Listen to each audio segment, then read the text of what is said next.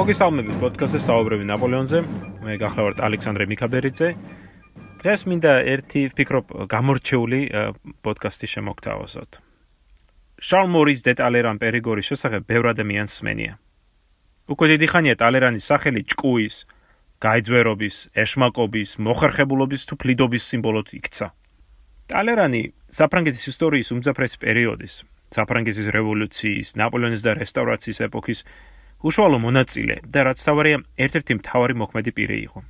მასზე საუბრისას ხშირად აღნიშნავენ იმ გარემოებას, რომ 1780 წლიდან მოყოლებული 50 წლის განმავლობაში ტალერანი ემსახურებოდა საფრანგეთის ყველა მთავრობას და ყველა მათგანი გასცა და გაყიდა რეგრიგად. ჯერ ბურბონები, მერე რევოლუცია, მერე დირექტორია, ნაპოლეონი, შემდეგ ისევ ბურბონები. დღეისათვის საზოგადოების წარმოქმნაში ტალერანი გაიგებებულია ორ პირა, გაიძვერა პიროვნებასთან, რომელმაც არ იცის რა არის მრწამსი პრინციპები, არ ერიდება არავითარ სიმდაბლეს მიზნის მისაღწევად და პირადი სარგებლობის სურვილით მოქმედებს ყოველთვის. მაგრამ ვფიქრობ, ეს ტალერანი ცოტა რიყო შაბლონური აღწერა და ნამდვილი ტალერანი უფრო მრავალწახნაგიანი პიროვნება იყო. ამ პოდკასტში მე მინდა შევეცადო სხვაგვარად მიუდგე ცოტა ტალერანის ხასიათს და ახალი მასალების თუ კვლევების საფუძველზე შევაფასო მისი მოღვაწეობა, მისი პიროვნება. პირველ რიგში მინდა აღვნიშნო, რომ ტალერანზე ქართული ისტორიოგრაფია არის მეტად მწირი და რაც თავია მთლიანად საფშთა კვლევებზე დაფუძნებული. ტალერანის ერთ-ერთი ქართულენოვანი სრული ბიოგრაფია არის საბჭოთა ისტორიკოსის ევგენი ტარლეს ცნობილი კვლევა. ტარლე ნიჭიერი ისტორიკოსი იყო, რომელმაც არაერთი საინტერესო მნიშვნელოვანი კვლევა გამოიცა, მაგრამ ტალერანის ბიოგრაფია მისი ერთ-ერთი ყველაზე სუსტი ნამუშევარია.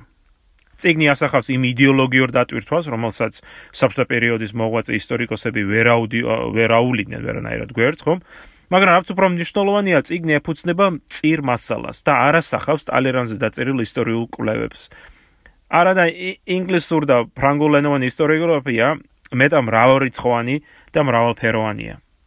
ჩემო მეგობარმა, ავსტრალიელმა ისტორიკოსმა ფილიპ დუაერმა თავის დროზე გამოსცა ტალერანზე ბიბლიოგრაფიული კვლევა, რომელშიც 800-ზე მეტი დასახელების წიგნია შეტანილი. ამ წიგნის გამოსვლის შემდეგ გამოიცა კიდევ არაერთი კვლევაც, მათ შორის ყველაზე მნიშვნელოვანი უდავოდ ფრანგი ისტორიკოსის ემანუელ დე ვარესკილის შესანიშნავი ბიოგრაფია ტალერან ლეპრინს იმობილ რომელიც ალბათ საუკეთესო კვლევა არის ტალერანზე სადღეისოდ. ასე რომ ამ პოდკასტის მინდა აი გაგიზიარო ტალერანზე ახალი ინფორმაცია, ახალი მიდგომა, რათა ამ პიროვნებაზე უფრო ღრმა წარმოდგენა გქონდეს. შარლ მორის დე ტალერან პერიგორი დაიბადა პარიზში 1754 წლის 2 თებერვალს. მისი ოჯახი დიდგვაროვანი არისტოკრატიული მისი ოჯახი დიდგვაროვანი არისტოკრატიული წარმოშობის იყო და სათავეს ჯერ კიდევ კარლოს დიდის ეპოქიდან იღებდა. შუა საუკუნეების განმავლობაში პერიგორის თავადები საფრანგეთის სამეფოს ერთ-ერთი ყველაზე კარჩინებული არისტოკრატები იყვნენ და დიდ როლს ასრულებდნენ ქვეყნის პოლიტიკურ ცხოვრებაში. მე-17 საუკუნისათვის კი ოჯახი ორ ძირითად შტოდ დაიყო. უფროს შტოს წარმოადგენენ შალეს პრინცები, ხოლო უმცროსი შტოს წარმომადგენლები იყვნენ გრინუას თავადები.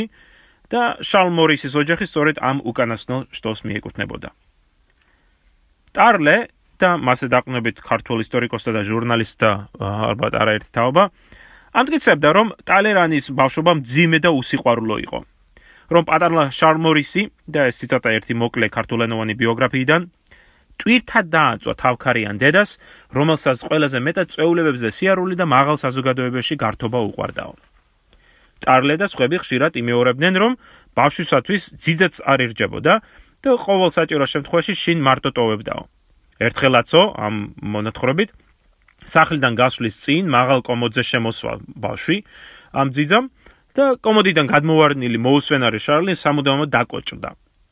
როგორც ტარლე აღნიშნავს, ეს ციტატა ამის შემდეგ სიცოცხლის ბოლომდე თავისი განუმეორებელი ყავარჯნის მეშვეობი დადიოდა და სიარული მისთვის საკმაოდ ტანჯულ პროცესს წარმოადგენდა. მოტეხილი მარჯვენა ფეხი რაღაც საგანგებოდ გაკეთებულ მომრგვალო ბუდის მსგავს ყავის ჩექმაში კონდაო მუნდა.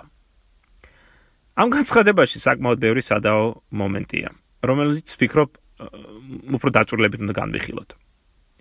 ტალერანის მშობლები იყვნენ შარლ დანიელ ტალერან პერიგორი სხვა შორის ტარლანის ოჯახში კაცებს, მამაკაცებს, განსაკუთრებით პირველ დაბადებულ მამაკაცებს მუდამ შარლს უწოდებდნენ. და მამის ასე შარლ დანიელ ტალერან პერიგორი იყო. ხოლო დედამისი ალექსანდრინ მარი ვექტუა ელეონორ დედამადიანტინი. ოჯახი არ იყო ღარიბი, როგორც ამას ზოგიერთი ქართველი მწერალი გაიძახს. პირიქით, საფრანგეთის საზოგადოებაში არსებული სოციალური პირობების გათვალისწინებით ოჯახი საკმაოდ შეძლებულად ითვლებოდა. თუმცა ისიც უნდა ითქვას, რომ ტალერანის შობლები მუდამ ჩიოდნენ, რომ აი ვერსალში, ხო, სამეფო სასახლეში და პარიზის ერთ-ერთ ყველაზე ფეშენებულ ურბანში, აი ისინი დღევანდელ სენსულპიცის ეკლესიასთან ცხოვრობდნენ. მოკლედ აი ვერსალის და აი პარიზის ერთ-ერთ ყველაზე ფეშენებულ ბელურ ურბანში საცხოვრებლად მათ არ ყოფნიდათ ფული. ამავე დროს იმ დროინდელ საფრანგეთში ოჯახის მდგომარეობა მხოლოდ ფურით არ გაიზომებოდა. ფულზე უფრო მნიშვნელოვანი იყო არისტოკრატიული წარმომავლობა. ფულზე უფრო მნიშვნელოვანი იყო არისტოკრატიული წარმომავლობა და სანათესაო და სამეგობრო კავშირები, რომლებიც ტალერანის ოჯახს უხვად გააჩნდა.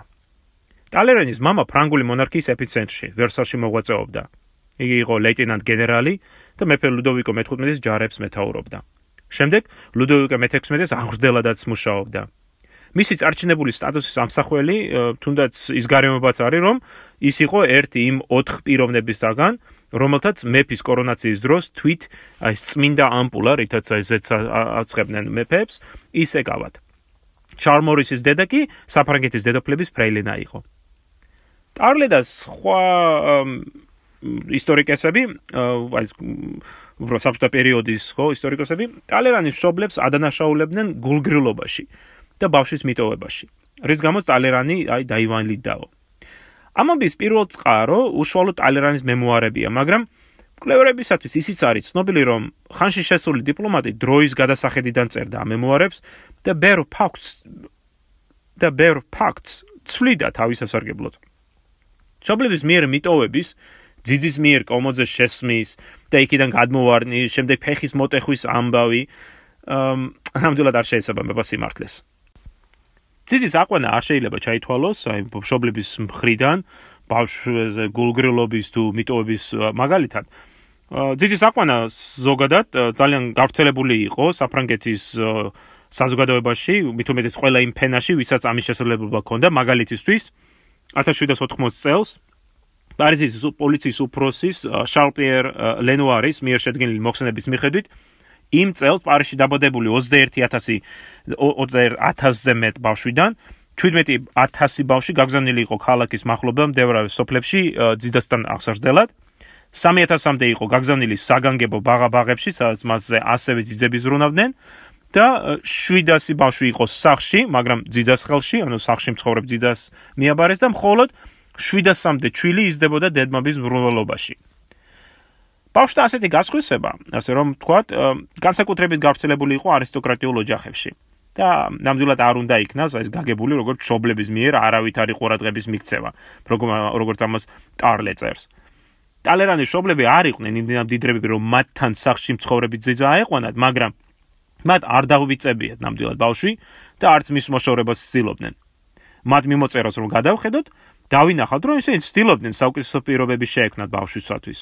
დედამისის წერილებიდან ნათელი ხდება რომ იგი ცდილობდა მოეძებნა ძიდა, რომელიც პარიზთან ახლოს იქნებოდა, რომ მას ხშირ-ხშირად მოინახულებინა ბავშვი.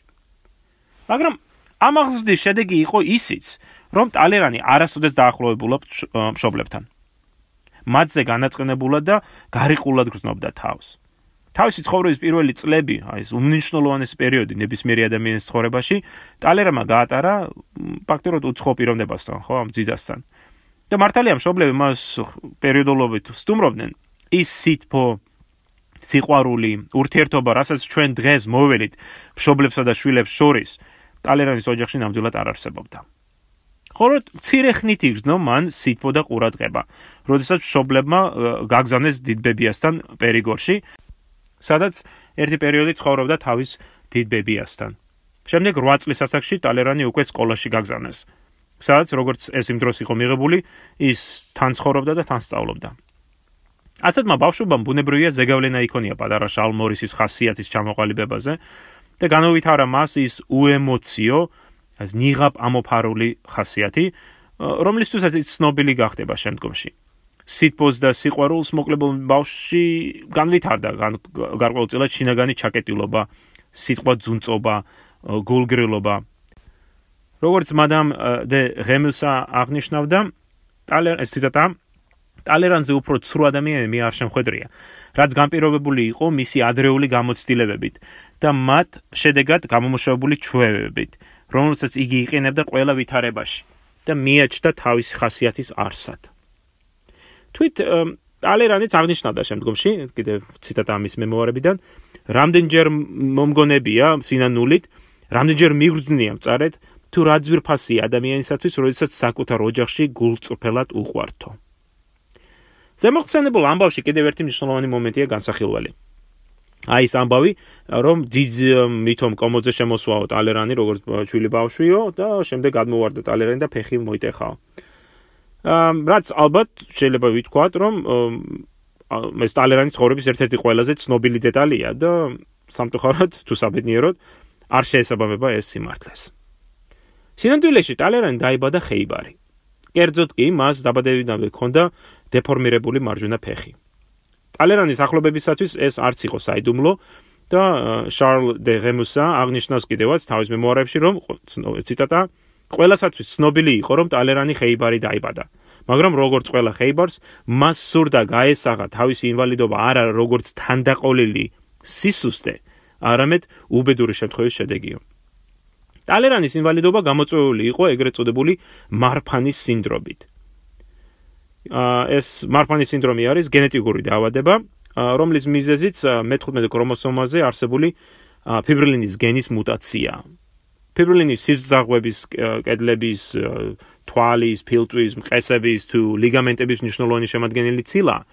აქედან გამომდინარე, მარფანის სინდრომის დროს ზიანდება სახსრები და ხშირია ჩონჩხის სისტემის ანომალიები და სხეულის პროპორციების დარღვევა.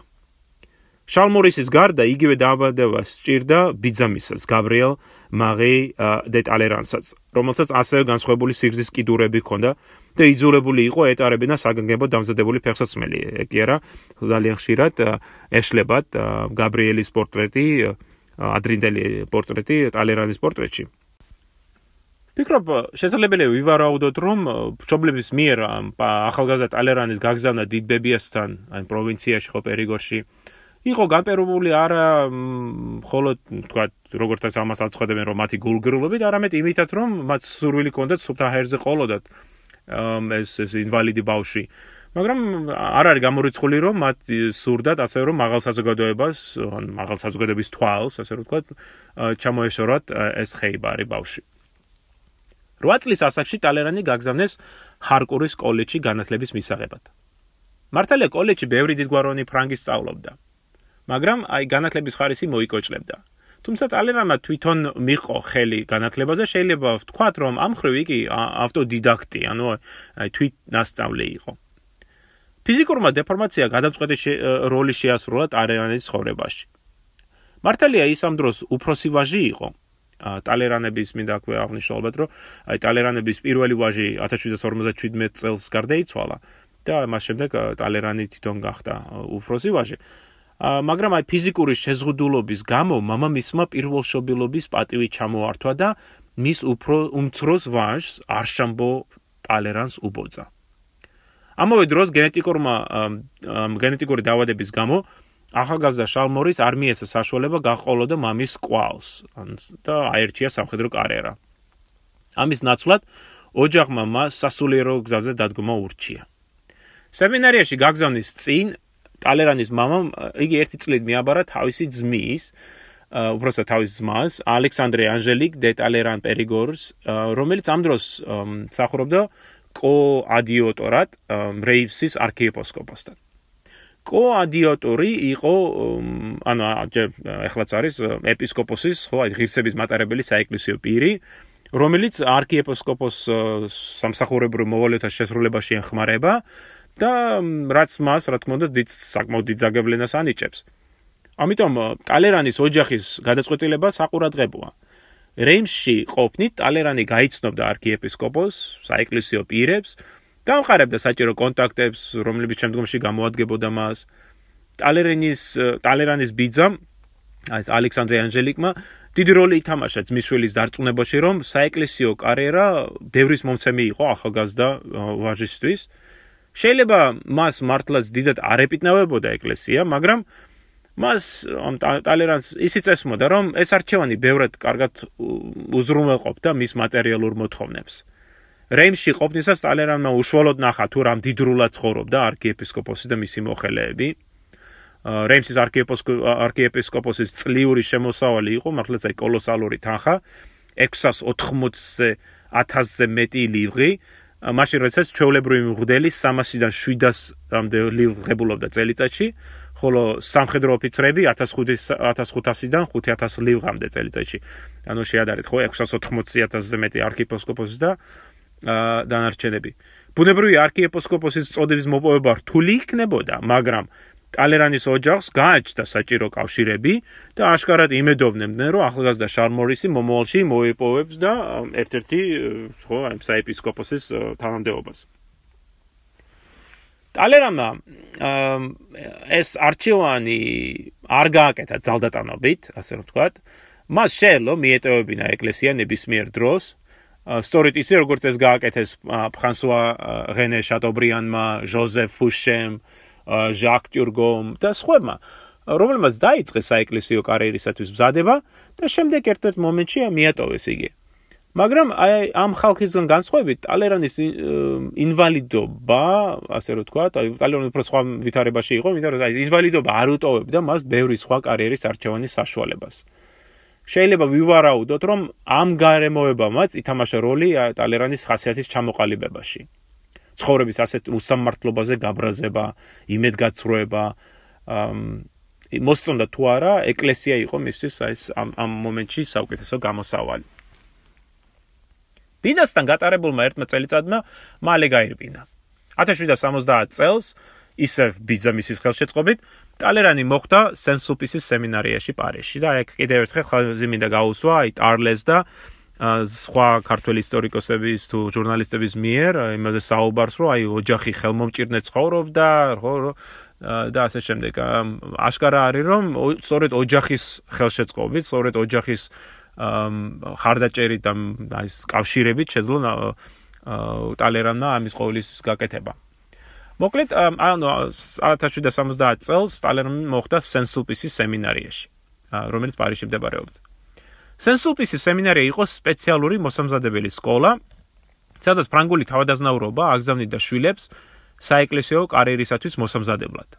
მე-18 საუკუნის მიწურულისათვის საფრანგეთის ყველა ეპისკოპოსი და არქიეპისკოპოსი სწორედ ამ სკოლის გურსდამთავრებული იყო. ასე რომ აქ მოხვედრა წარმატებული კარიერის საწინდარი იყო. სწორედ სემინარიაში ყოფნისას გამოავლენა ტალერანმა თავისი აკადემიური მისწრაფებები. დიდი შრომის უნარიანობა, მისი მასშტაბლებლები და თანაკურსელები შემდგომში აღნიშნავენ კიდევაც თუ რამდენად დიდ დროს ატარებდა ტალერანი ბიბლიოთეკაში, სადაც ეზიარებოდა არა საეკლესიო წიგნებს, არამედ უფრო ისტორიულ და პოლიტიკურ ლიტერატურას. ხშირად უნახავთ კი აი აქტუალური წიგნებითაც, რითაც სემინარიის ხელმძღვანელობის უკმაყოფილებას იწვევდა. უფრო მეტიც, სწორედ ამ პერიოდში გააბა ტალერმა ურთიერთობა ახალგაზრდა მომხიბლავ ქალბატონთან, დოროტეა დორინვილთან, რომელიც კომედი ფრანსეზ მსახიობი იყო, ხო, თეატრის. და რომელიც ალერამა ერთწვიმიან დღეს ეკლესიაში გაიცნო. მიუხედავად იმისა, რომ აშკარა იყო, რომ საეკლესიო ცხოვრება ტალერანს არქიბლავდა, მან მაინც განაგრძო სწავლების კურსი და დაასრულა იგი.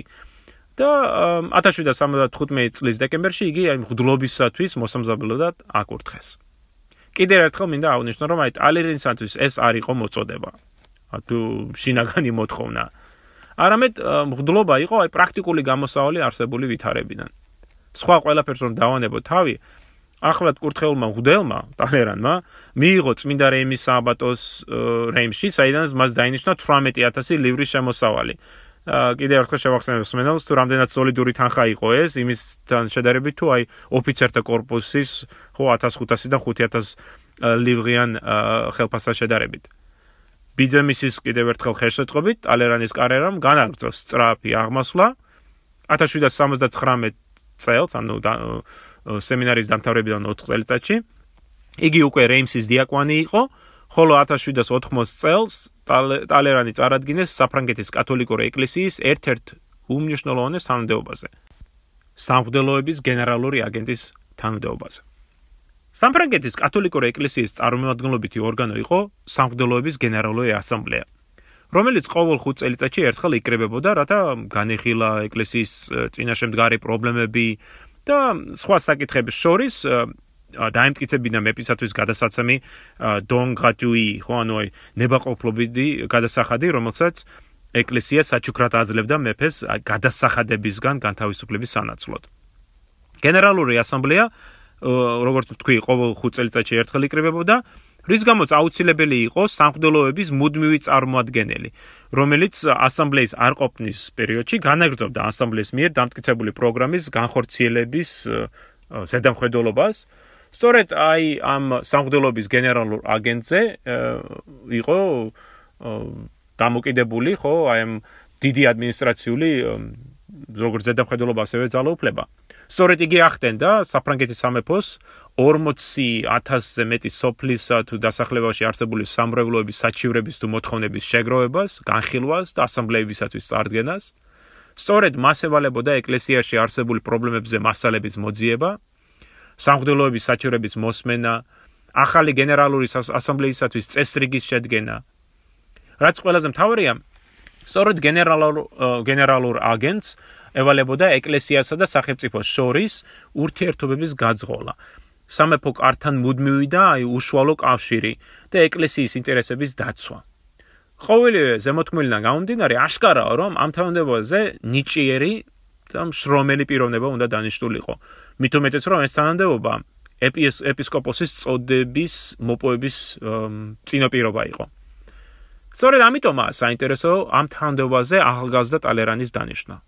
ერთი ხრივ ის მიუთეთებს იმაზე, რომ ტალერანმა მოკლე პერიოდშივე მოიხვეჭა სახელი როგორც განათლებულმა ნიჭიერმა შრომელმა პიროვნებამ, რომელიც სავსებით გაართმევდა თავს ზემოთ აღნიშნულ რთულ ამოცანებს.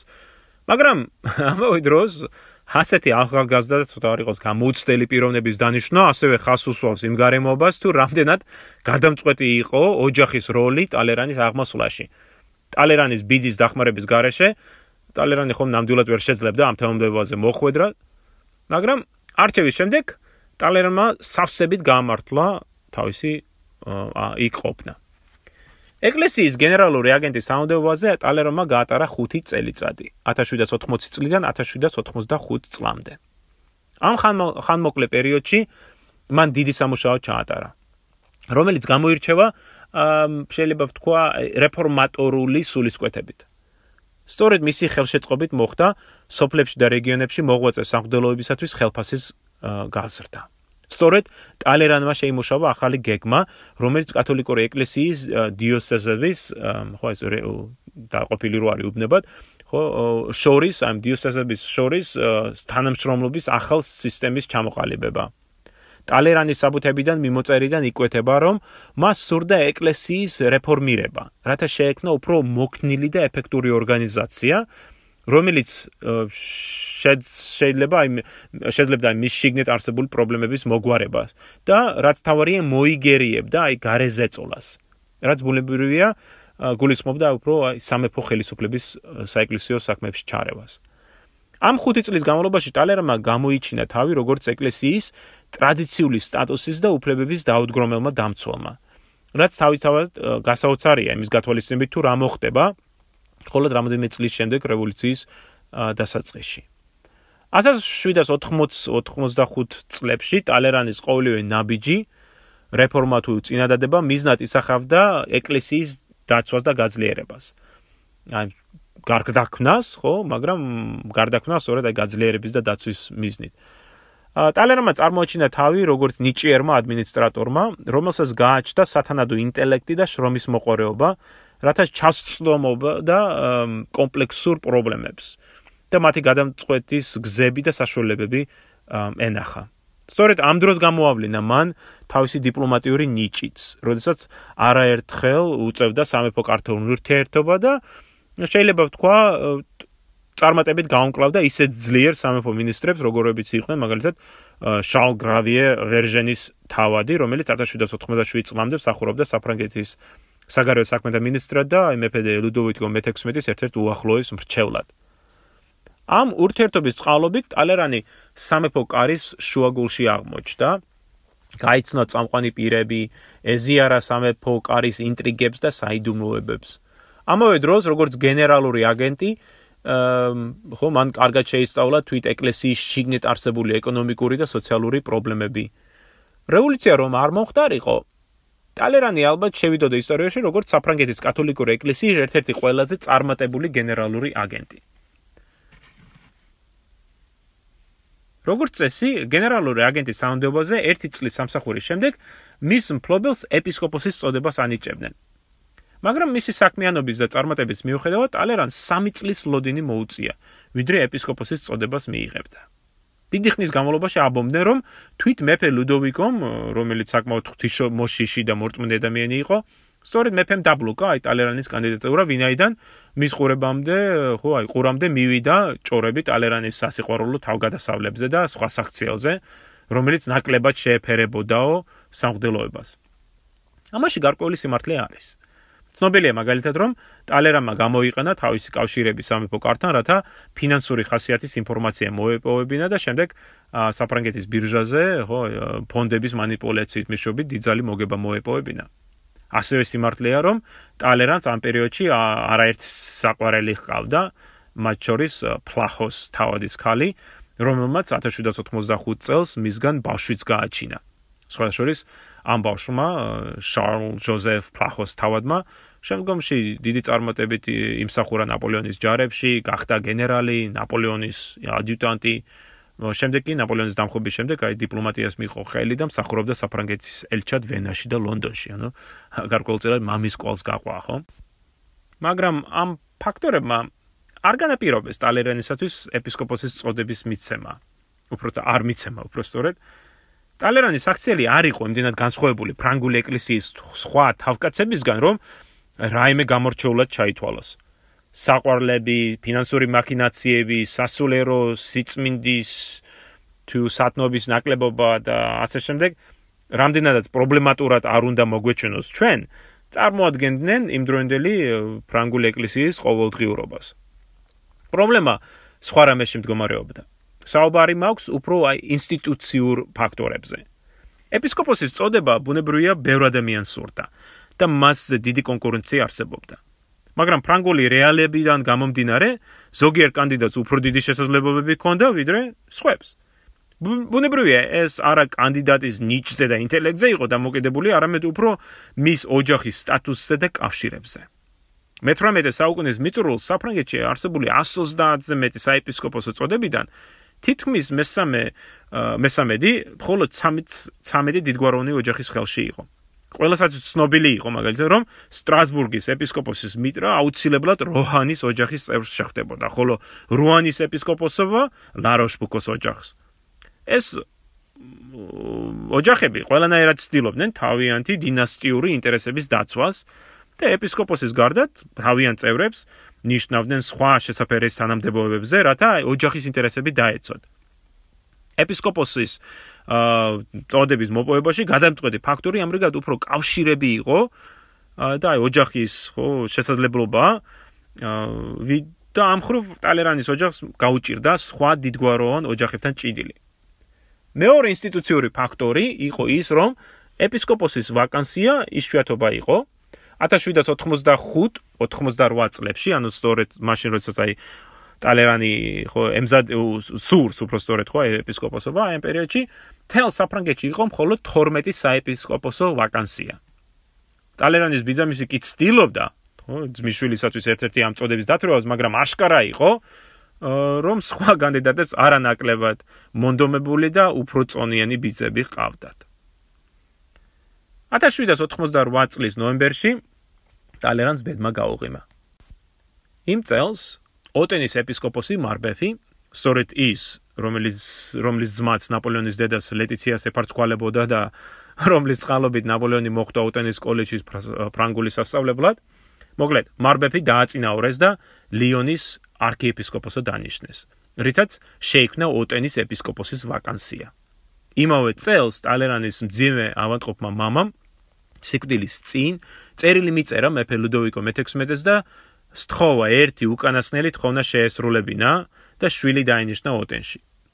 ლუდოვიკომ ეთყობა ვერ უთხრა უარი თავის ყოფილ მასწავლებელს და დაამტკიცა ახალგაზრდა შარლ მორისი ამ თანამდებობაზე. 1799 წლის 17 იანვარს საგანგებო ცერემონიაზე ტალერანი ოფიციალურად ეკურთხა ეპისკოპოსად. და იმავე ღამით არხეინად გაატარა დრო თავის საყვარელთან ფლახოს თავადის ქალთან ერთად ლუვრში. ამასობაში კი რევოლუციის აჩრდილიც გადაეფარა მთელ სამეფოს. 1789 წლის გაზაფხულზე მთელ საფრანგეთში ჩატარდა გენერალური შტატების არჩევნები. მრავალსაუკუნოვანი ტრადიციის მიხედვით გენერალური შტატები შედგებოდა საფრანგეთის სამი წოდების წარმომადგენლებისაგან, ხო, სამღვდელოების, თავდაცნაურობის და მესამე წოდების წარმომადგენლებისგან, რომელთაც ირჩევდნენ შესაბამისი წოდების შიგნით. ტალერანმა იყარა კენჭი ამ არჩევნებში და როგორც მოსალოდნელია არჩეული იქნა პირველი წოდების, ანუ სამღვდელოების წარმომადგენლად გენერალურ შტატებში. სანამ არჩევნები ტარდებოდა და მიმდინარეობდა სამზადისი გენერალური შტატების გახსნისათვის, ტალერანი გაწევრიანდა ერთ-ერთ ყველაზე გავლენიან პოლიტიკურ საზოგადოებაში, ეგრეთ წოდებულ 30-თა საზოგადოებაში. შემდგომში მას კონსტიტუციურ კლუბსაც უწოდებენ. ამ 30-თა საზოგადოებაში შედიოდნენ რეფორმების მომხრე თავდაზნაურები. 1788 წლის ნოემბრიდან მოყოლებული საზოგადოების წევრები მა დაიწყეს კვირაში ორჯერ შეხვედრა ერთმანეთთან ადრიენ დიუპორტის სახლში პარიში, სადაც განიხილავდნენ ქვეყნის წინაშე არსებულ პრობლემებს და მსჯელობდნენ შესაძლოა რეფორმებზე, გამოსავალზე, ხო, სხვა სხვა პრობლემაზე. 30-თა საზოგადოებამ დიდი ზეგავლენა იქონია 1788 წლის მიწურულს და 99 წლის გაზაფხულზე საფრანგეთის საჯარო პოლიტიკურ დებატებში. სწორედ ამ საზოგადოების წევრები აკრიტიკებდნენ ხმამაღლა გენერალური შტატების არსებულ ორგანიზაციასა და პროცედურებს, მათ შორის იმასაც, რომ წოდებები ცალ-ცალკე თათბირობდნენ და გადაწყვეტილებების მიღებისას თითოეულ წოდებას მხოლოდ ერთი ხმის უფლება ჰქონდათ. ბუნებრივია, მესამე წოდების წარმომადგენლები მუდამ წამგებიან პოზიციაში იქნებოდნენ, ხო, ვინაიდან პირველ და მეორე წოდებას ორი ხმა ექნებოდათ ამ შემთხვევაში. სწორედ 30-თა საზოგადოება გამოვიდა მოთხოვნით, რომ შეიცვალოს ეს წესი და გენერალური შტატების ყველა წევრს გააჩნდეს ხმის მიცემის უფლება და წოდებების შიგნით გადაწყვეტილების მიღება ხმათა უმრავლესობით მოხდესო. 30-თა საზოგადოება ასევე მოითხოვდა საკონსტიტუციო მონარქიის ჩამოყალიბებას. რაც თავის ხრივ საკმაოდ რადიკალური მოთხოვნა იყო რევოლუციის საწყის ეტაპზე, ვინაიდან გენერალური შტატების მოწვევის მიზანი იყო არა პოლიტიკური რეფორმების ჩატარება, არამედ ფინანსური კრიზისის მოსაგვარებლად საგადასახადო ცვლილებების დამტკიცება. რომ გადავხედოთ 30-თა საზოგადოების მოთხოვნებს, ისინი უმეტესწილად ემთხოვა მესამე წოდების მოთხოვნებს, რაც თავისთავად მეტად საინტერესოა. რევოლუციის ამ ეტაპზე ტალერანი კლავ აი რეფორმატორულ პოზიციებზეა და სურს ქვეყანაში არა მხოლოდ ეკონომიკური, არამედ გარკვეული პოლიტიკური ცვლილებებიც იხილოს. მაგრამ მისი რეფორმისტული სულისკვეთება არ უნდა იქნას გაგებული როგორც ტალერანის მხრიდან რევოლუციის სავსებით ხო სრული მხარდაჭერა. ტალერანი რეფორმისტული ჯგუფის კონსერვატიულ ნაწილს მიეკუთვნებოდა. იმ ნაწილს, რომელსაც სურდა ეკონომიკური და პოლიტიკური ცვლილებები, მაგრამ ამავე დროს არ სურდა თავდაზნაურობის პრივილეგირებული პოზიციების დათმობა. ისინი მხარს უჭერდნენ რეფორმებს, მაგრამ მხოლოდ იმდენად, რამდენადაც ეს რეფორმები წაადგებოდნენ არისტოკრატიას. სწორედ ამიტომ ტალერანი არ იყო მომხრე მესამე წოდების დელეგატების რიცხვის გაორმაგებისა. და შემდგომში არაერთხელ აღნიშნავდა, რომ მეთვის ეს გადაწყვეტილება დიდი შეცდომა იყო. ამავე დროს ტალერანი მხარს უჭერდა კონსტიტუციის მიღების აუცილებლობას, მაგრამ ისეთი კონსტიტუციის, სადაც თავაზნაურობა შეინარჩუნებდა თავის პრივილეგირებულ სტატუსს. 1789 წლის 5 მაისს ჩატარდა გენერალური შტატების პირველი სხდომა ვერსალში. იმავე დღესვე აშკარა გახდა, რომ მეფე მესამე წოდებისათვის დათმობას არაპირებდა და ძველი წესის პროცედურების დაცვას დაბეჯითებით მოითხოვდა. დეპუტატმა CS-მა ჩვენ ალბათ გვახსოვს ხო ემანუელ CS-ი ბრუმერის ამბების ანტიგმირი ასე რომ ვთქვათ CS-მა ამ საკითხის გადასაწყვეტად გენერალური შტატების ყველა წევრი განურჩევლა წოდებრივი კუთვნილებისა საერთო სხდომაზე მიიწვია. ამ სხდომაზე, რომელიც 99 წლის 17 ივნის გამართა, მესამე წოდებას პირველი ორი წოდების ზოგიერთ წარმომადგენლით შეუერთდა. კრებამ დაადგინა, რომ ის მოსახლეობის აბსოლუტურ უმრავლესობას, სუბცირე 97%-ს მაინც წარმოადგენდა და შესაბამისად უბლემოსილი იყო ელაპარაკა ერის სახელით. ამდენად შეკრებილებმა თავი ნაციონალურ ასამბლეად, ანუ ეროვნულ კრებად გამოაცხადეთ. ეს იყო გადამწყვეტი რევოლუციური აქტი, რითაც წოდებათა წარმომადგენლები გაემიჯნენ ძველ სახელმწიფოებრივ წყობას და პირველი ნაბიჯი გადადგეს ხალხის სუვერენიტეტისა და საერთო ნების პრინციპების დასამკვიდრებლად. სულ მალე ეროვნული ეროვნულ კრებას პირველი წოდების უმრავლესობა და აი ლიბერალურად განწყობილი თავდაცდაურობის ნაწილიც შეუერთდება. ტალერანი ცოტა არ იყოს გაურკვეველ პოზიციაში აღმოჩნდა. ერთის ხრივ ის მხარს უჭერდა პოლიტიკურ რეფორმებს და კონსტიტუციის შექმნას, მაგრამ ამავე დროს ნამდვილად არ სურდა მონარქიის დამხობა ან რადიკალური ცვლილებების ჩატარება. როგორც ის შემდგომში აღნიშნავს, ამ ეტაპზე მისთვის ყველაზე მისაღები გამოსავალი იყო გენერალური შტატების დაშლა და მის ნაცვლად მეფის მიერ ახალი საკანონმდებლო ორგანოს შექმნა, რომელიც ბრიტანული პარლამენტის მსგავსად ბიკამერული, ანუ ორპალატიანი იქნებოდა. ქვედა პალატაში პირდაპირი არჩევითი სისტემა იქნებოდა, ხოლო ზედა პალატა განკუთვნილი იქნებოდა თავად აზნაურობისათვის. რომელიც შეძლებდა აი მესამე წოდების უფრო რადიკალური მოთხოვნების შეკავებას. ამ გზით ტალერანის აზრით მონარქიაც გადარჩებოდა, მესამე წოდებაც მიიღებდა პოლიტიკურ ხმას, ხოლო თავდაზნაურობა შეძლებდა პოლიტიკური სისტემის დაბალანსირებას.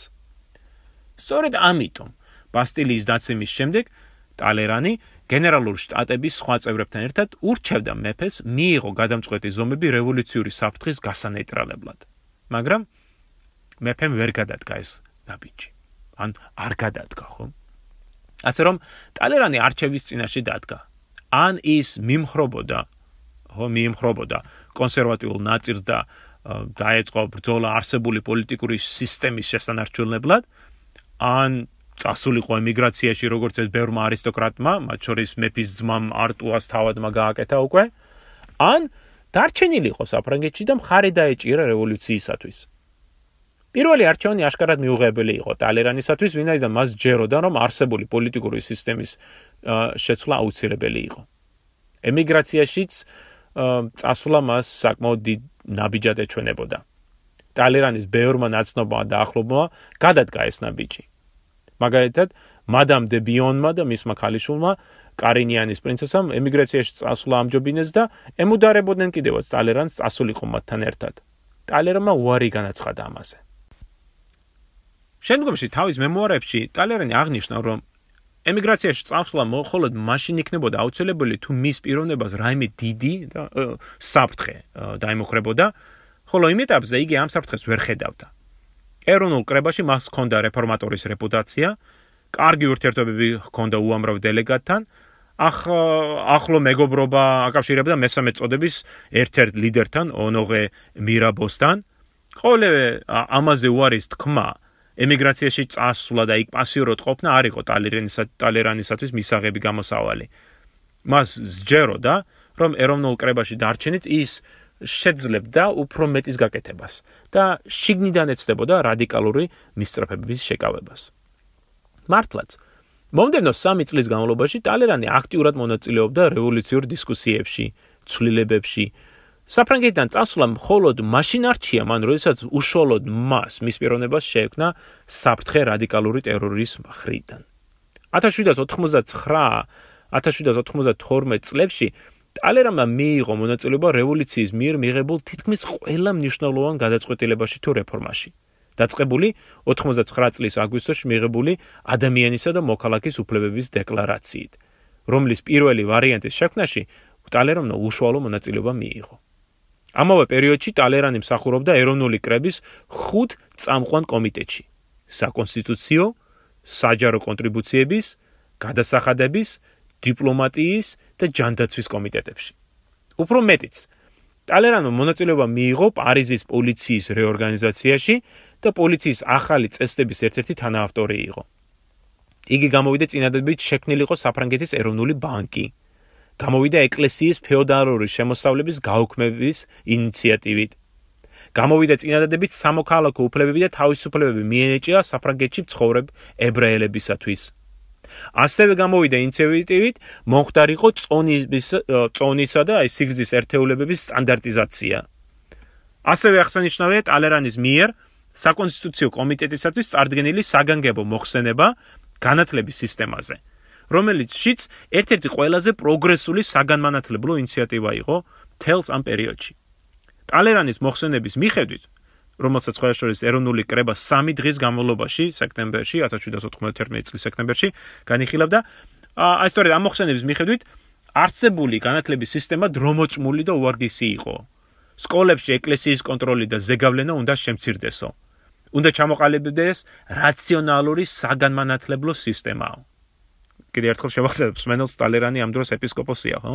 და სწორედ ამ საგანმანათლებლო სისტემის რეფორმაზე საუბრისას მოითხოვს აი რაციონალურ საგანმანათლებლო სისტემას და ეკლესიის როლის და კონტროლის შემცირებას. ტალერანის აზრით, თავისუფლების უპირველესი გარანტი იყო განათლებული მოსახლეობა. თუ ჩვენ გსურს ახალი წესწყობილების და საზოგადოების შექმნა, განაცხადა ტალერანმა მოხსენებაში, აუცილებლად მიმაჩნია, რომ საზოგადოებრივი აზრი იყოს კარგად განათლებული და მომზადებულიო. განათლებელი ადამიანი ადვილად იქნება მოტყუებული, რაც თავისთავად საფრთხეს შეუქმნის პოლიტიკურ სისტემას, რომელშიც კანონის სწორედ გენერალური, ანუ საზოგადოებრივი ნების გამოხატულება უნდა იყოსო.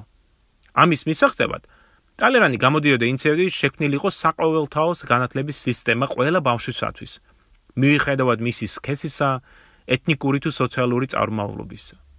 სახელმწიფო ვალდებული იქნება უზრუნველყოს, რომ განათლება იყოს სეკულარული და ყველასათვის ხელმისაწვდომი. უნდა შექმნილიყო დაწყებითი და საშუალო სკოლების სისტემები, რომელთა დასრულების შემდეგ ახალგაზრდები განაგრძობდნენ სწავლას უფრო სპეციალიზირებულ სკოლებში. იმის და მიხედვით თუ რომელ საგნებში, თუ საგნებისადმი თუ პროფესიისადმი ჰქონდათ მათ მიდრეკილება. ამ მოხსენებაში ძალიან ბევრი საინტერესო დეტალია. რომელიც დღეისათვის თანამედროვე განათლების სისტემის ვფიქრობ ერთ-ერთ კვადკუთხედებად შეიძლება ჩაითვალოს.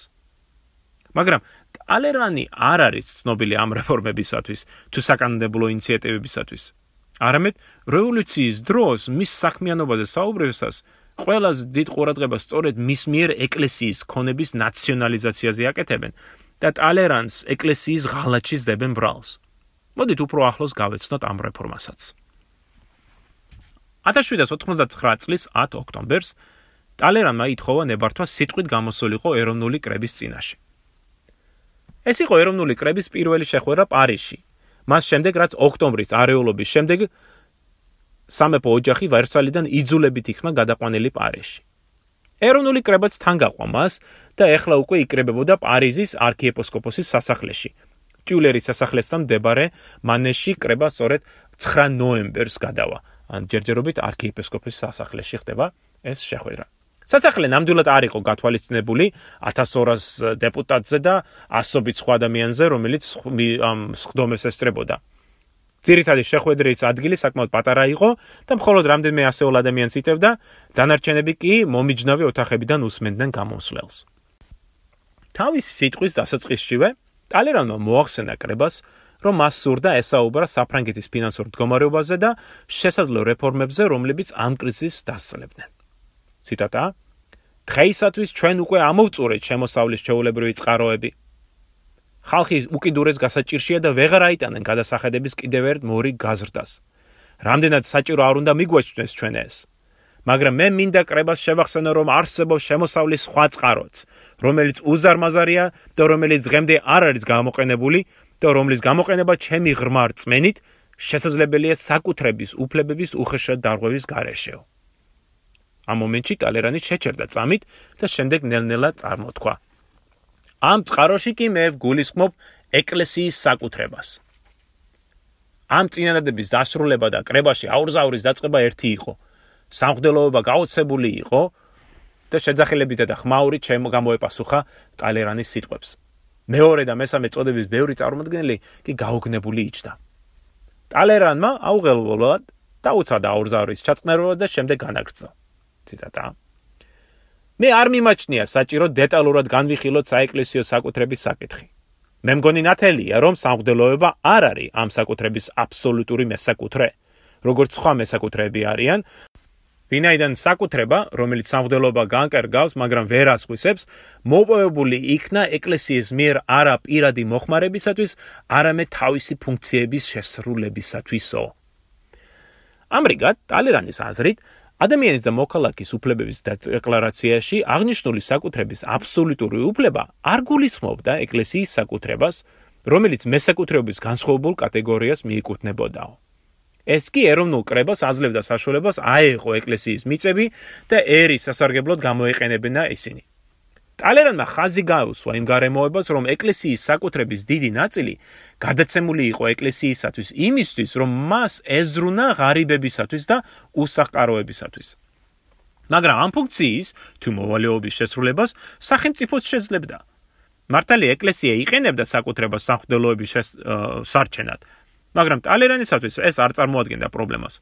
სახელმწიფოს შეელო ეკისრა ეს მოვალეობა, გადაეხადა ჯამაგირი სამღვდელოებისათვის, რომლის უმრავლესობა, განსაკუთრებით კი ათასობით QG, ანუ აი ადგილობრივი მღვდელი, მიიღებდა გაორმაგებულ, ზოგიერთ შემთხვევაში გასამაგებულ ანაზღაურებას. ანაზღაურების გაზრდა სამღვდელოების ერთ-ერთი ყველაზე დიდი მოთხოვნაც იყო ეროვნულ კრებაში. ეროვნულმა კრება უმალვე დაუჭირა მხარი ტალერანის ინიციატივას. მომდენო 7 დღის განმავლობაში კრებაში მძვინვარებდა გააფთრებული დისკუსია ამ რეფორმის მომხრეებსა და მოწინააღმდეგეებს შორის. არადა ტალერანის ინიციატივა არ უნდა ყოფილიყო მთლად ასეთი მოულოდნელი, ვინაიდან ის არ იყო ახალი. ეკლესიის საკუთრების ნაციონალიზაცია არაერთხელ განიხილებოდა ადრეულ პერიოდებშიც. მაგალითად, 1560 წელს გენერალური შტატების ხსდომაზე მეორე და მესამე წოდებების წარმომადგენლები ითხოვდნენ საეკლესიო მიწების ჩამორთმევას. იგივე იგივე აზრის იყვნენ მე-18 საუკუნის დასაწყისში ფრანგი იანსენისტები, რომლებიც კათოლიკური ეკლესიის რეფორმის ერთ-ერთ უმთავრეს პირობას სწორედ მისი საკუთრების ჩამორთმევაში ხედავდნენ. მაგრამ მონარქიასა და ეკლესიას შორის არსებული კავშირი საკმაოდ ძლიერი იყო და ფრანგმა მეფეებმა უარი განაცხადეს ასეთი რადიკალური გადაწყვეტილების მიღებაზე. რევოლუციამ შეცვალა ეს პარადიგმა. ტალერანამდეც ეროვნულ კრებაში იყო რამდენიმე წინადადება, რომელიც ეკლესიის მიწების გამოყენებას ითვალისწინებდა. მაგალითად, 7 აგვისტოს ბლასონის მარკიზი გამოვიდა ინიციატივით გამოეყენებინათ საეკლესიო მიწები ახალი ცესხის მოსაპოვებლად. 8 აგვისტოს ლაკოსტას მარკიზმა პირდაპირ განაცხადა, რომ ეკლესიას არ გააჩნია საუკუთრების უფლება მიწაზე და რომ ეს მიწები სწორედ სახელმწიფოს საკუთრებაა. ალექსანდრე დელამეთი განასხვავება საკუთრების ორ ძირითად სახეობას. კერძო პირების საკუთრების უფლებას შეუვალიაო, აცხადებდა იგი, მაგრამ აი პოლიტიკური კორპორაციების არა. და ეკლესიას სწორედ ერთ-ერთ ესეთ კორპორაციად მიიჩნევდა იგი. 24 სექტემბერს დიუპონ დე ნიუმურმა წარადგინა გეგმა ეკლესიის მიერ მიწებიდან მიღებული შემოსავლის გამოეყენებინათ ეროვნული საჭიროებებისთვის. ანუ ტალერანის იდეა არ იყო რაიმე რადიკალური ან ახალი წამოწყება. ყველასათვის გასაკვირი ის იყო, რომ ადრე ეს ინიციატივები მოდიოდა თავდაზნაურობიდან, მაგრამ ტალერანი ხომ უშუალოდ ეკლესიის წარმომადგენელი იყო. სწორედ ამიტომ იყო მისი გამოსვლა ამდენად მნიშვნელოვანი. ეკლესიის ერთ-ერთი უმაღლესი პირი გამოდის ინიციატივით ეკლესიას ჩამოერთო საკუთრება. წარმოიდგინეთ ახლა რამდენად რთული იყო ეკლესიის წინამძღოლებისათვის ამ ასე ვთქვათ შეტევის მოგერიება. თუ ადრე მათ შეეძლო დაეგმო თავდაზნაურობა და მის მიერ წამოყენებული მოთხოვნები, ამჯერად ინიციატივა ხომ უშუალოდ ეკლესიის შიგნიდან მოდიოდა. უფრო მეტიც, ტალერანის გამოსვლის შემდეგ სამღვდელოების ნაწილმა, განსაკუთრებით გაღარიბებულმა გუღეებმა, ხომ გძლებმა, მხარი დაუჭირეს ამ ინიციატივას. რითაც კიდევ უფრო გაუმყარეს საფუძველი ეროვნულ კრებას ამ რეფორმის ჩასატარებლად. 1799 წლის 2 ნოემბერს მრავალსაათიანი მწვავე დისკუსიის შემდეგ ეროვნულმა კრებამ დაამტკიცა ტალერანის წინადადება. ახალი კანონის მიხედვით ეკლესიას ჩამოერთვა საკუთრება, რომელიც გადავიდა სახელმწიფო საკუთრებაში. ეკლესიამ ასევე დაკარგა თავისი ფისკალურ კორპორაციული პრივილეგიები, ხოლო სამღვდელოება გადავიდა სახელმწიფო ადმინისტრაციის დაქვემდებარებაში. ამ კანონის განხილვისას ეროვნულ კრებაში საინტერესო დეტალები იკვეთება. დისკუსიებმა კიდევ ერთხელ წარმოაჩინეს უფრო საფუძვლიანი რეფორმების მომხრე რევოლუციონერებს, შემდგომში რომ მემარცხენეებს უწოდებ ჩვენ და უფრო კონსერვატიული სულისკვეთების მემარჯვენეებს შორის განსხვავება. კანონის დამტკიცება შესაძლებელი მოხდა მხოლოდ უკანასკნელ მომენტში შეტანილი ცვლილებების შედეგად და ბოლო წუთამდე არ იყო გარანტირებული რომ ის მიღებული იქნებოდა. ამავე დროს ეროვნული კრების ბევრმა წევრმა ხარი დაუჭირა ამ კანონს, იმიტომ რომ ჯეროდა რომ ცვლილებები სინამდვილეში მხოლოდ ეკლესიის მიწების ერთ ნაწილს, კერძოდ მონასტრების საკუთრებას შეეხებოდა. ხოლო დანარჩენი განაგრძობდა ფორმალურად ეკლესიის საკუთრებაში ყოფნას. სამღვდელოების ბევრი წარმომადგენლისათვის კი ეს კანონი მისაღები იყო, იმიტომ რომ იგი ჯამაგირის გაორმაგებას პირდებოდა მათ. ეკლესიისათვის მიწების ჩამორთმების ინიციატივით ტალერანმა ფაქტობრივად ჩამოიხსნა ღვთლის ნიღაბი და რევოლუციონერის ნიღაბით შეცვალა იგი. მაგრამ იყო ეს ღალატი, როგორც ტალერანს ბრალად ცდებენ ამას? იყო კი ეს მისი უპრინციპობის და ამორალურობის გამოვლინება? ფიქრობ, რეალობა ბევრად უფრო რთულია, ვიდრე ეს შაბლონური წარმოდგენები გვიხატავენ მას. ჩვენ ვნახეთ, რომ ეკლესიაში მოხვედრისთანავე ტალერანმა გამოავლინა რეფორმისტული მიდგომა. არსებულ პრობლემებს რაციონალურად უდგებოდა. ეკლესიის მიწების ნაციონალიზაციაც ამ რეფორმატულ მიდგომის ნაწილი იყო, ვფიქრობ. ტალერანს, ისევე როგორც ეროვნული კრების ბევრ სხვა დეპუტატს, კარგად ესმოდა, რომ არსებული ეკონომიკური კრიზისის გადასაჭრელად აუცილებელი იყო საგანგებო ზომები. საეკლესიო მიწების ნაციონალიზაცია ამის ერთ-ერთი საუკეთესო მაგალითი იქნებოდა. ტალერანის ინიციატივა არ იყო მოულოდნელი. არამედ გამოხატავდა მის რაციონალურ მიდგომას, როგორც ეკლესიისადმი, ასევე სამეფოს ფინანსური კრიზისის გადაჭრის საშუალებების მიმართ. ამასთან, ტალერანი არ იყო ერთ-ერთი საეკლესიო პირი, რომელსაც ეს ნაბიჯი აუცილებლად მიაჩნდა. სამღვდელოების ნაწილი, განსაკუთრებით ღარიბის სამღვდელოება, ხარს უჭერდა მას. უნდა ჩავთვალოთ თუ არა ისინი მოღალატეებად. აქვე მინდა აღნიშნო ისიც, რომ ამ ინიციატივის გამო ტალერანი არ იყო დასჯილი ეკლესიის წინამძღოლების მიერ, არ იქნა განკვეთილი ეკლესიიდან და განაგდო ეპისკოპოსის თანამდებობაზე მსახურობა. მაგრამ არის ასე მინიშნება, რომ ტალერანის ეს ინიციატივა გამოწვეული იყო საკუთარი ინტერესებითაც.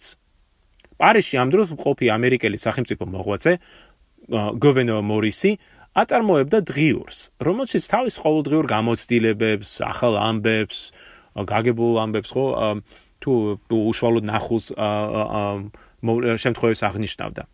8 ოქტომბრის ჩანაწერში, ანუ აი ტალერანის სიტყვით გამოსვლამდე 2 დღით ადრე, მორისი აღნიშნავს, რომ და ეს ციტატა ფინანსთა მინისტრის ნეკერის გადაყენება არის sine qua non, ანუ უმთავრესი პრინციპი პირობა, ეპისკოპოს ტალერენისათვის, რომელსაც მისი ადგილის დაკავება სურსო. ანუ ამრიგად მორისის აზრით ტალერანი ცდილობდა უფრო მჭირად ჩაბმულიყო პოლიტიკურ პროცესებში და თვით ფინანსთა მინისტრის ადგილს უმისნებდა.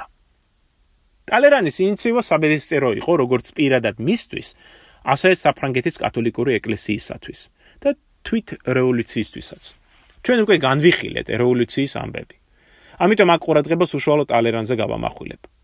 ტალერანისათვის ეს ნაბიჯი წარმოადგენს სწორედ აი იმ შავი ლეგენდის დასაწყის, რომელიც მას წარმოაჩენს როგორც გაიძვერა ეშმაკ, გამყიდველ და ფლით პიროვნებას. ამიერიდან როელისტურ და საეკლესიო წრეებში მის სახელსაც კი არ ახსენებდნენ, არამედ მის მას უწოდებდნენ რა სკელეგატ, ანუ ნაძირალას.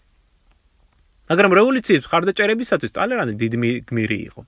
1790 წლის თებერვალში იგი აირჩიეს ეროვნული კრების პრეზიდენტად.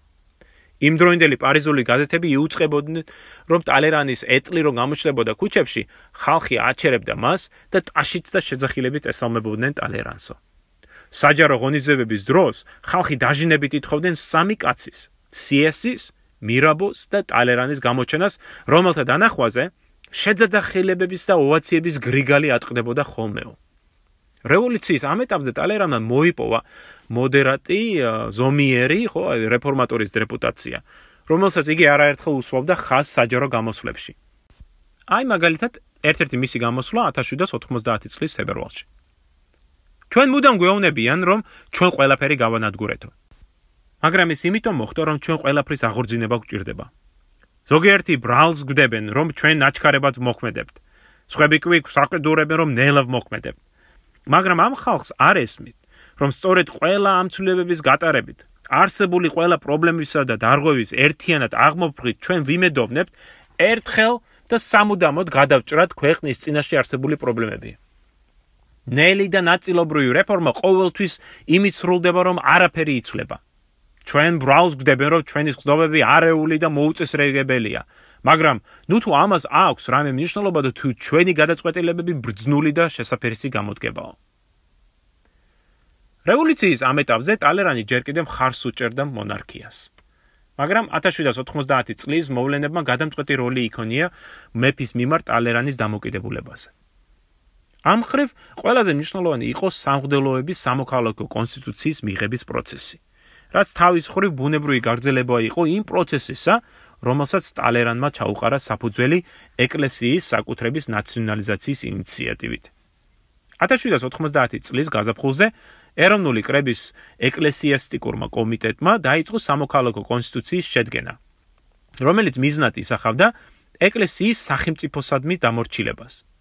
კომიტეტი ურჩევდა ეროვნულ კრებას შეემცირებინა ეპისკოპოსთა რიცხვი 130-ზე მეტიდან 83-მდე, ანუ ყოველ დეპარტამენტს ერთ ეპისკოპოსი ეკნებოდა და დაინიშნა ერთი მღვდელი, ან გიუღე, ყოველ 6000 მოსახლეზე. მღვდლის ხელფასი გაიზრდებოდა და მისი გადახდა სახელმწიფოს მოვალეობა იქნებოდა. კომიტეტის განცხადებით, ამ ცვლილებების მიზანი იყო არა ეკლესიის განადგურება, ან ეკლესიის და სახელმწიფოს გამიჯვნა, არამედ ახალი სამოქალაქო საზოგადოებაში ეკლესიის როლის და ადგილის განსაზღვრა, რომელიც კომიტეტის აზრით უნდა ყოფილიყო სახელმწიფოს ზედამხედველობის ქვეშ. რეფორმების ეს პაკეტი შეიძლება მოგვეჩნოს რადიკალურად. მაგრამ საინტერესოა რომ სამღვდელოებაში არსებობდა საკმაოდ დიდი მხარდაჭერა ამ ცვლილებების მიმართ.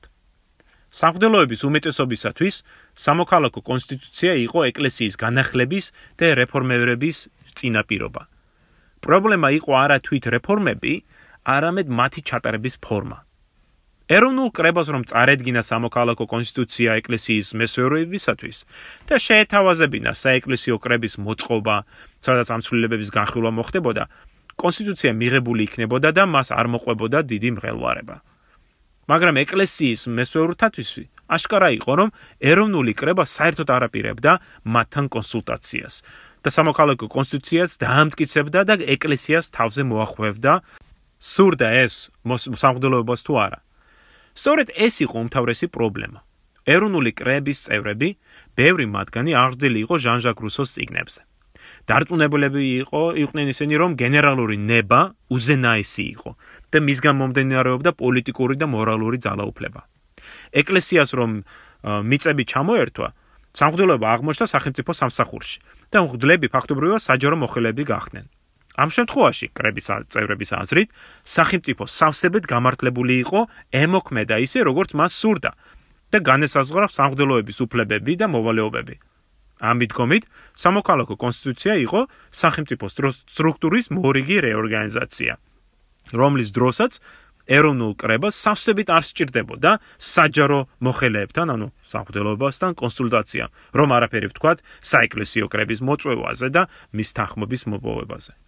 ეროვნულ კრების წევრებს მართლაც ჯეროდათ, რომ თუ ისინი მიიღებდნენ სამოქალაქო კონსტიტუციას ფრანგის ხალხის სახელით, კრება ხომ აი პოპულარული სუვერენიტეტის განსახიერება იყო, მაშინ სახვდელოებაც იძულებული იქნებოდა მიიღო ის.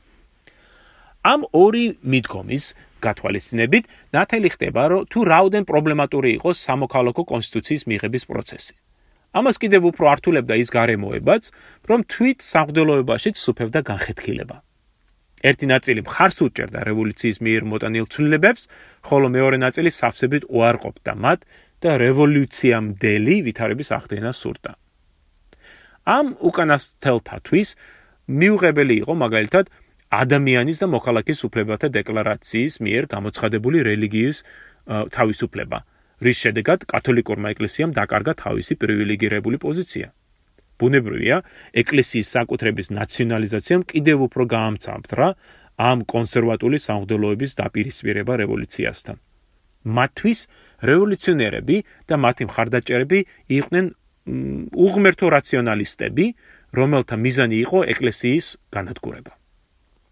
სამღვდელოების სამოქალაქო კონსტიტუცია დამტკიცებული იქნა 1790 წლის 12 ივლისს. კონსერვატიული სამღვდელოების პასუხი მხოლოდ ოქტომბრის მიწურულს გასაჯაროვდა, როდესაც 30-მა ეპისკოპოსმა და ეროვნული კრების 89 სასულიერო წარმომადგენელმა ხელი მოაწერა განცხადებას, რომელშიც სამოქალაქო კონსტიტუციას ეწინააღმდეგებდნენ. ეროვნულ კრებას, რომ მოესმინა ამ გაცხადებაში წამოწეული პრობლემებისათვის, რევოლუცია შეიძლება სხვა გზით წასულიყო. მაგრამ ამის ნაცვლად ეროვნული კრების უფრო რადიკალურად განწყობილმა დეპუტატებმა დაგმეს განცხადება და მოითხოვეს სამღვდელოების მხრიდან სახელმწიფოსადმი ერთგულების ფიცის დადება. თუ მღვდელი უარს იტყოდა, მაშინ იგი, როგორც საჯარო მოხელე, გაგდებული იქნებოდა სამსახურიდან. ბუნებრივია, ამას დიდი საზოგადოებრივი პასუხი მოყვა. ვინაიდან ბევრს მიაჩნდა, რომ ფიცის დადება ზედმეტი იყო და სამღვდელოების სამოქალაქო უფლებებს ლახავდა. დისკუსიამ ამ საკითხზე ორი თვე გასტანა და საბოლოოდ ეროვნულმა კრებამ დაანტკიცა ეს მოთხოვნა და 1790 წლის 27 დეკემბერს სახვდელოებას დაევალა ფიცის დადება. სამოქალაქო კონსტიტუციამ კიდევ უფრო გააღრმავა სამხვდელოებაში და ზოგადად ფრანგულ საზოგადოებაში არსებული განხეთქილება რევოლუციის მომხრეებსა და მოწინააღმდეგეებს შორის. სამღვდელოების ნახევარი დათანხმდა ფიცის დადებაზე, მაგრამ მეორე ნახევარმა უარი თქვა და აეგზალა კიდეც საეკლესიო სამსახური. შესაბამისად, ხალხსაც უნდა გაიკეთებინა აერჩევანი: ან მხარი დაეჭირა ეკლესიისათვის, ან სახელმწიფოსათვის. ამ პროცესმა გამოამჟღავნა მზარდი განხეთქილება ქალაქებსა და პროვინციებს შორის. თუ ქალაქებში სამღვდელოების დიდმა ნაწილმა დადო ფიცი და მათ მხარი დაუჭირა მოსახლეობის უმეტესობამ, საპირისპირო ვითარება იყო პროვინციებში, სადაც სამღვდელოების და მოსახლეობის უმეტესობამ დააგმო სამოქალაქო კონსტიტუცია და რევოლუციას დაუპირისპირდა. ბუნებრივია, ტალერანი ყოველივე ამის ეპიცენტრში იყო. თუმცა იგი თავს არიდებდა საჯარო დისკუსიებში მონაწილეობას. 1790 წლის 28 დეკემბერს იგი გახდა ეროვნულ კრებაში მყოფი ერთადერთი ეპისკოპოსი, რომელმაც საჯაროდ ფიცი დადო სამოქალაქო კონსტიტუციაზე და სახელმწიფოს მიმართ ხო თავისი ლოიალობა გამოთქვა. თელ საფრანგეთში მხოლოდ სამმა სხვა ეპისკოპოსმა დადო ასევე ფიცი. დანარჩენებმა 130-ზე მეტმა ეპისკოპოსმა უარი განაცხადა ფიცის დადებაზე. აი სწორედ ამ მომენტში ტალერანი მიხვდა, რომ ეკლესიაში მის დარჩენას აზრი აღარ ჰქონდა. 1791 წლის 13 იანვარს მან წერილი მიწერა მეფე ლუდოვიკო მე-16-ს და აცნობა, რომ ის ნებაყოფლობით გადადგებოდა ეპისკოპოსის თანამდებობიდან, რომელიც მას ეკუთვნოდა ფიცის დადების შემდეგ. ტალერანი ამ დროს მხოლოდ 36 წლის იყო. ახალგაზრდა, ენერგიით სავსე პიროვნება, მას აშკარად დიდი იმედი ჰქონდა, რომ გზას გაიკლებდა რევოლუციის ორომ ტრიალში. ეკლესიიდან წასვლა არ ნიშნავს ტალერანის ხრიდან მის ღალატს. არა მე ყოველ შემთხვევაში არ ვთვლი ამას. არამედ კლავ აი რაციონალურ გააზრებას, რომ ეკლესიის შიგნით ის ბევრს ვეღარაფერს გახდებოდა. უფრო მეტიც, ტალერანის ჩანაწერებში გვხდება ერთი საგულისხმო მომენტი, რომელიც გვაძლევს საშუალებას ჩავწვდეთ მეტნაკლებად მის გადაწყვეტილების არს. ეს ციტატა რევოლუციამ იერიში მიიტანა იმ პრინციპებზე და ტრადიციებზე, რომლებმაც მე მიმსხვერპლეს.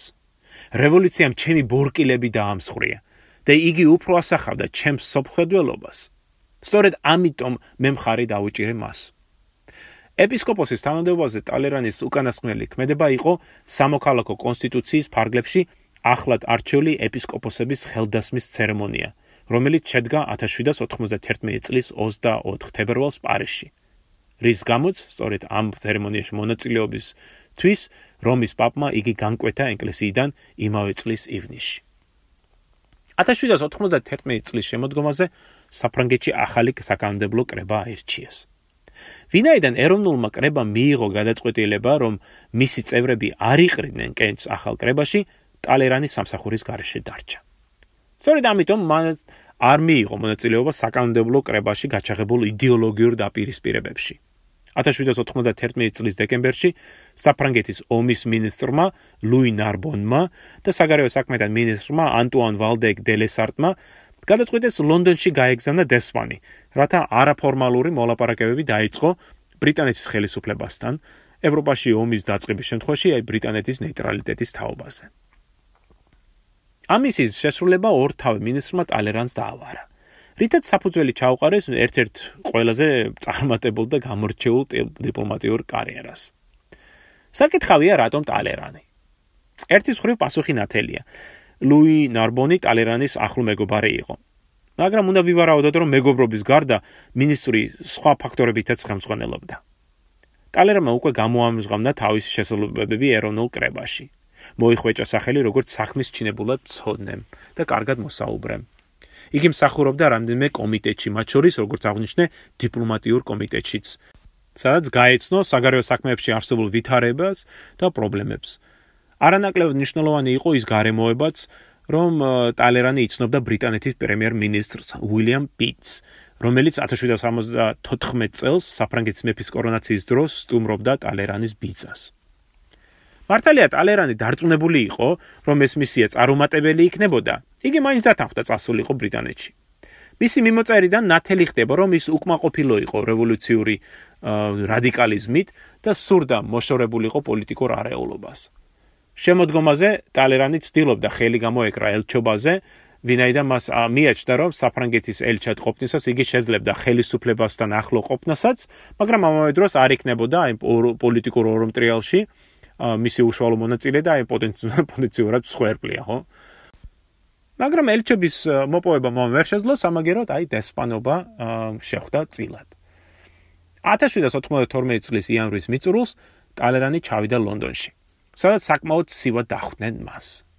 მისი პოლიტიკური მოღვაწეობა ყველასათვის ცნობილი იყო და მას მას მუდამ ახსენებდნენ ეკლესიის საკუთრების ნაციონალიზაციის ამბავს. ლონდონის სავსე იყო როიალისტებით, რომლებიც მას შეხვდნენ შეძახილებით მოღალატევ და რენეგატო.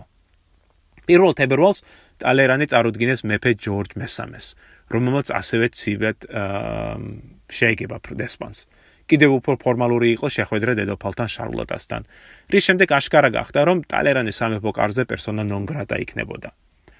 ასევე წარუმატებელი იყო ტალერანის შეხვედრა საგარეო საქმეთა სამინისტროში, სადაც ბრიტანეთის საგარეო საქმეთა მინისტრმა ლორდ გრენვილმა არაფრად ჩააგდო ტალერანის ცდილობები დაერწმუნებინა იგი, რომ საფრანგეთში მიმდინარე მოვლენები არავითარ საფრთხეს უქმნიდნენ ბრიტანეთს და რომ ომის შემთხვევაში ბრიტანეთი არ უნდა დაპირისპირებულიყო საფრანგეთს. მაგრამ ა უფრო წარმატებული გამოდგა შეხვედრა პრემიერ-მინისტრ უილიამ პიტთან. მართალია პიტმა პირდაპირ უთხრა ტალერანს, რომ ვიდანიდან ის არ იყო ოფიციალურად დანიშნული დესპანი, იგი ვერ გასცემდა მას ოფიციალურ პასუხს. მაგრამ აროფიციალურ დონეზე პიტი მზად იყო დაიდასტურებინა, რომ ბრიტანეთს არ სურდა საფრანგეთის შიდა საქმეებში ჩარევა და რომ ომის შემთხვევაში ბრიტანეთი ეცდებოდა ნეიტრალიტეტის დაცვას. ანუ ფაქტურად პიტმა ლორდ გრენვილის ხო საგარეო საქმეთა მინისტრის საპირისპირო მოსწრება გაუზიარა ტალერანს. და გამოდიოდა ისე რომ ტალერანის მისია ფაქტურად შესრულებული იყო, თანაც ისე რომ ტალერანს ამისოთ არაფრის გაკეთება არ მოუწია.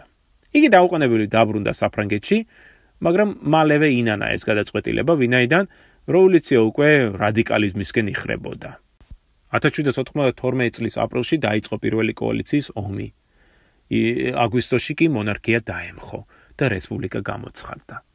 ტალერმა აირჩია კვლავ წასულიყო საფრანგეთიდან და თავი აერედებინა რადიკალიზმის ქარცეცხს, რომელსაც მალე ამდენი რევოლუციონერი სიცოცხლე შეეწირება. ვფიქრობ ეს კვლავ სწორედ მისი რაციონალური მიდგომის გამოვლინება არის. 1792 წლის სექტემბერში, სწორედ მაშინ, როდესაც პარიზში ხოცვა-ჟლეტვა იყო გაჩაღებული და 1200-ზე მეტ ადამიანს გამოასალმეს სიცოცხლე, ტალერმა მოიპოვა საგანგებო პასპორტი, რომელსაც ხელს აწერდა ჟორჟ დანტონი და პარიზის კომუნის აღმასრულებელი საბჭოს წევრები. ამ პასპორტით აღჭურვილმა ტალერმა შეძლო პარიზიდან გასვლა. 15 სექტემბერს კი იგი უკვე ლონდონში იყო. საფრანგეთში იგი მხოლოდ 4 წლის შემდეგ დაბრუნდა.